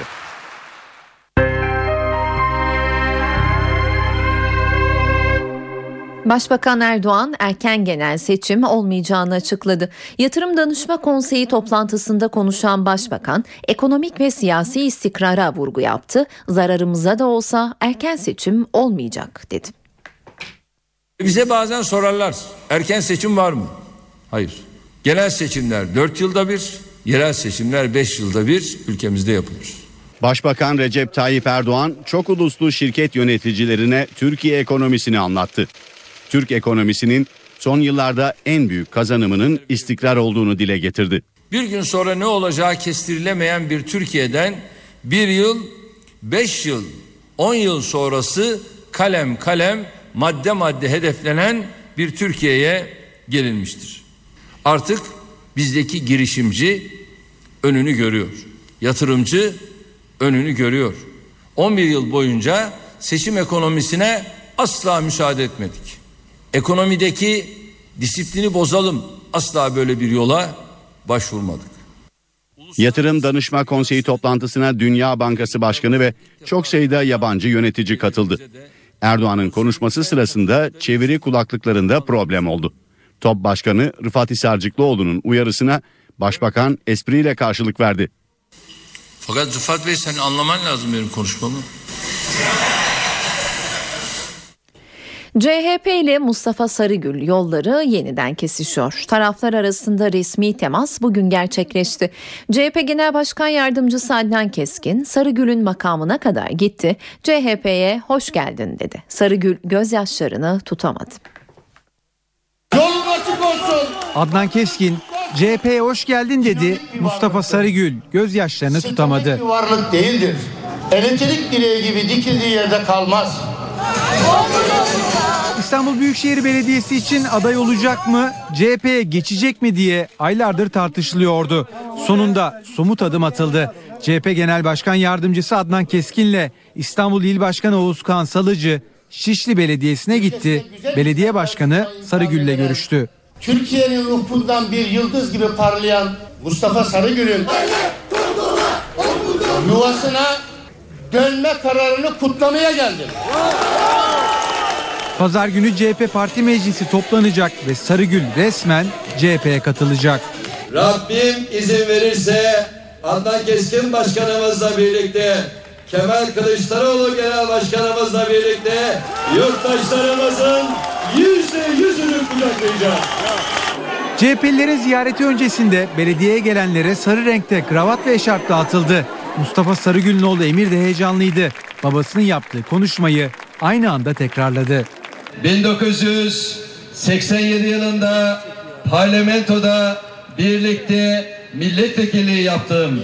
Mustafa Sarıgül'ün 9 Kasım'da İstanbul Büyükşehir Belediye Başkan adaylığı için başvurması bekleniyor. Saat 19.13 ben Öykü Özdoğan eve dönerken de yeniden karşınızdayız. BDP eş başkanı Selahattin Demirtaş Amerika Birleşik Devletleri'nden çözüm sürecine dönük mesajlar vermeyi sürdürüyor. Demirtaş sürecin uzamaması gerektiğine dikkat çekti. Yeni kurulan HDP'nin de genel seçimlerde 70 milletvekili çıkaracağını iddia etti. Washington'da çözüm sürecini değerlendiren BDP eş başkanı Selahattin Demirtaş, sürecin uzamaması gerektiğine dikkat çekti. Sorunun tümden çözümü için biraz zamana ihtiyaç var diyen Demirtaş, önümüzdeki iki yılı ancak karşılıklı müzakere ederek geçirirsek kalıcı çözüm yoluna doğru ilerleriz ifadesini kullandı. Bizim bölge koşullarımızda bu işin ne çok uzama e, şansı var. Çünkü Suriye'de, Irak'ta, İran'da çok hızlı gelişmeler yaşanıyor. Türkiye içinde hızlı gelişmeler yaşanıyor. Ama çok kısa sürede birkaç ay içerisinde de 100 yıllık bir sorunu çözmenin imkansız olduğunu biliyoruz.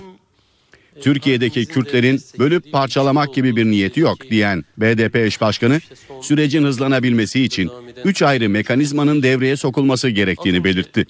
Demirtaş bunları Öcalan'ın dış dünyayla temasının kolaylaştırılması, gözlemci güç olarak sivil bir inisiyatifin ortaya çıkması, hükümetin takvimlendirilmiş başlıkları belirlemiş şekilde masaya gelmesi olarak sıraladı. Yeni kurulan HDP partisinin genel seçimlerde 70 milletvekili çıkaracağını iddia eden BDP eş başkanı, partide türbanlı veya Ermeni aday olabileceğini de söyledi. Demirtaş, Cumhurbaşkanlığınca Ahmet Kaya'ya verilen ödülü de değerlendirdi.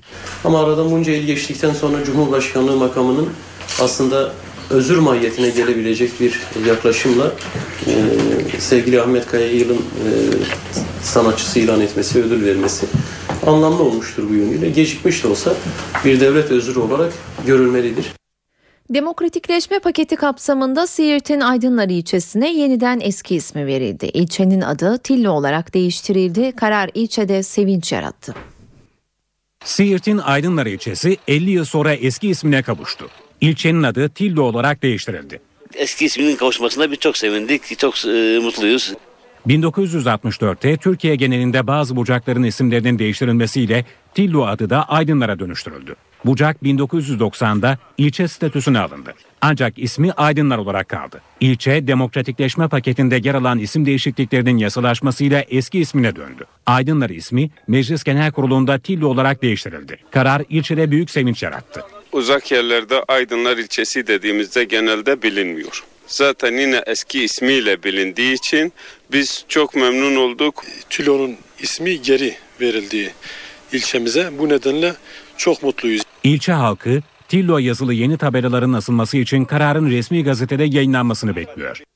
Türk Silahlı Kuvvetleri'nde sivilleşme için önemli bir adım atılıyor. Genelkurmay Başkanı Orgeneral Necdet Özel, Türk Silahlı Kuvvetleri Basın ve Halkla İlişkiler Biriminin sivilleşmesi için çalışma başlatıldığını, ayrıca siyasi bir danışmana ihtiyaç duyulduğunu, bu dönüşüm için Başbakan'dan gerekli kadrolarında alındığını açıkladı. Türk Silahlı Kuvvetleri kritik kadrolarda sivilleşmeye hazırlanıyor. Açıklama Genelkurmay Başkanı Orgeneral Necdet Özel'den geldi. Vatan Gazetesi'ne konuşan Orgeneral Özel, basın ve halkla ilişkilerin sivil ve profesyonel personelle yürütülmesinin planlandığını belirtti. Özel, bizim basın ve halkla ilişkiler konusunda köklü değişikliğe gitmemiz gerekiyor. Silahlı kuvvetler olarak bu işi artık askeri değil, sivil personelle yürüteceğiz dedi. Genelkurmay Başkanı sivilleşme çalışmalarının gerekçesini anlattı. Şu anki yapıda bu işi rütbeli askeri personelin yapması doğru değil. Uygulamada birçok sıkıntıya yol açabiliyor bu sistem. Bir kere o görevi yapan generalimiz en fazla iki yıl orada kalabiliyor. Çünkü başka operasyonel görevlere atanıyor. O birimde devamlılığı olmuyor. Özel bu değişiklik için Başbakan Recep Tayyip Erdoğan'ın gerekli kadroyu verdiğini söyledi. Genelkurmay Başkanı sivil bir siyasi danışmana ihtiyaç duyduklarını da belirtti ve henüz kim olduğu belli değil ama siyasal bilgiler fakültesinden olabilir diyerek danışmanlık için bir akademisyen görevlendireceğinin ipucunu verdi. NTV Radyo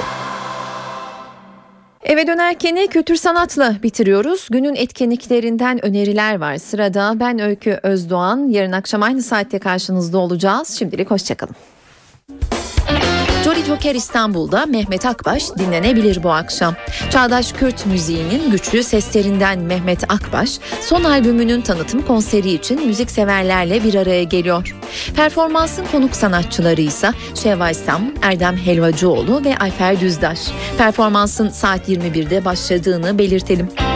Alexander Rudin ve Hüseyin Sermet ise Aya İrin Müzesi'nde olacak bu akşam.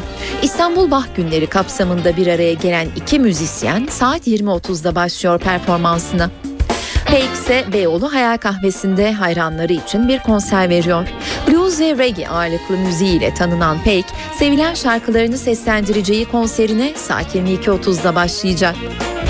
Bu akşam Regina Carter da İstanbul'un müzikseverlerle buluşuyor. Afrika halk müziği ezgilerini ve enstrümanlarını çağdaş caz ve popun enerjisiyle birleştiren Reverse Thread isimli son albümünden şarkılar seslendirecek Regina Carter. Performans başlama saati 20. Konser mekanı ise Zorlu Center Performans Sanatları Merkezi. Grup gün doğarken de hayranları için bir konser veriyor bugün. Sevilen grup saat 22'de sahnede olacak. Konsere Kadıköy sahne ev sahipliği yapıyor. Ceylan Ertem de Ankaralı sevenleriyle buluşuyor bu akşam. Ertem If Performance Hall'de saat 21'de başlıyor konserine. Tiyatro severler için de önerilerimiz var. Gizli Özne sahneye konuyor bu akşam İstanbul'da.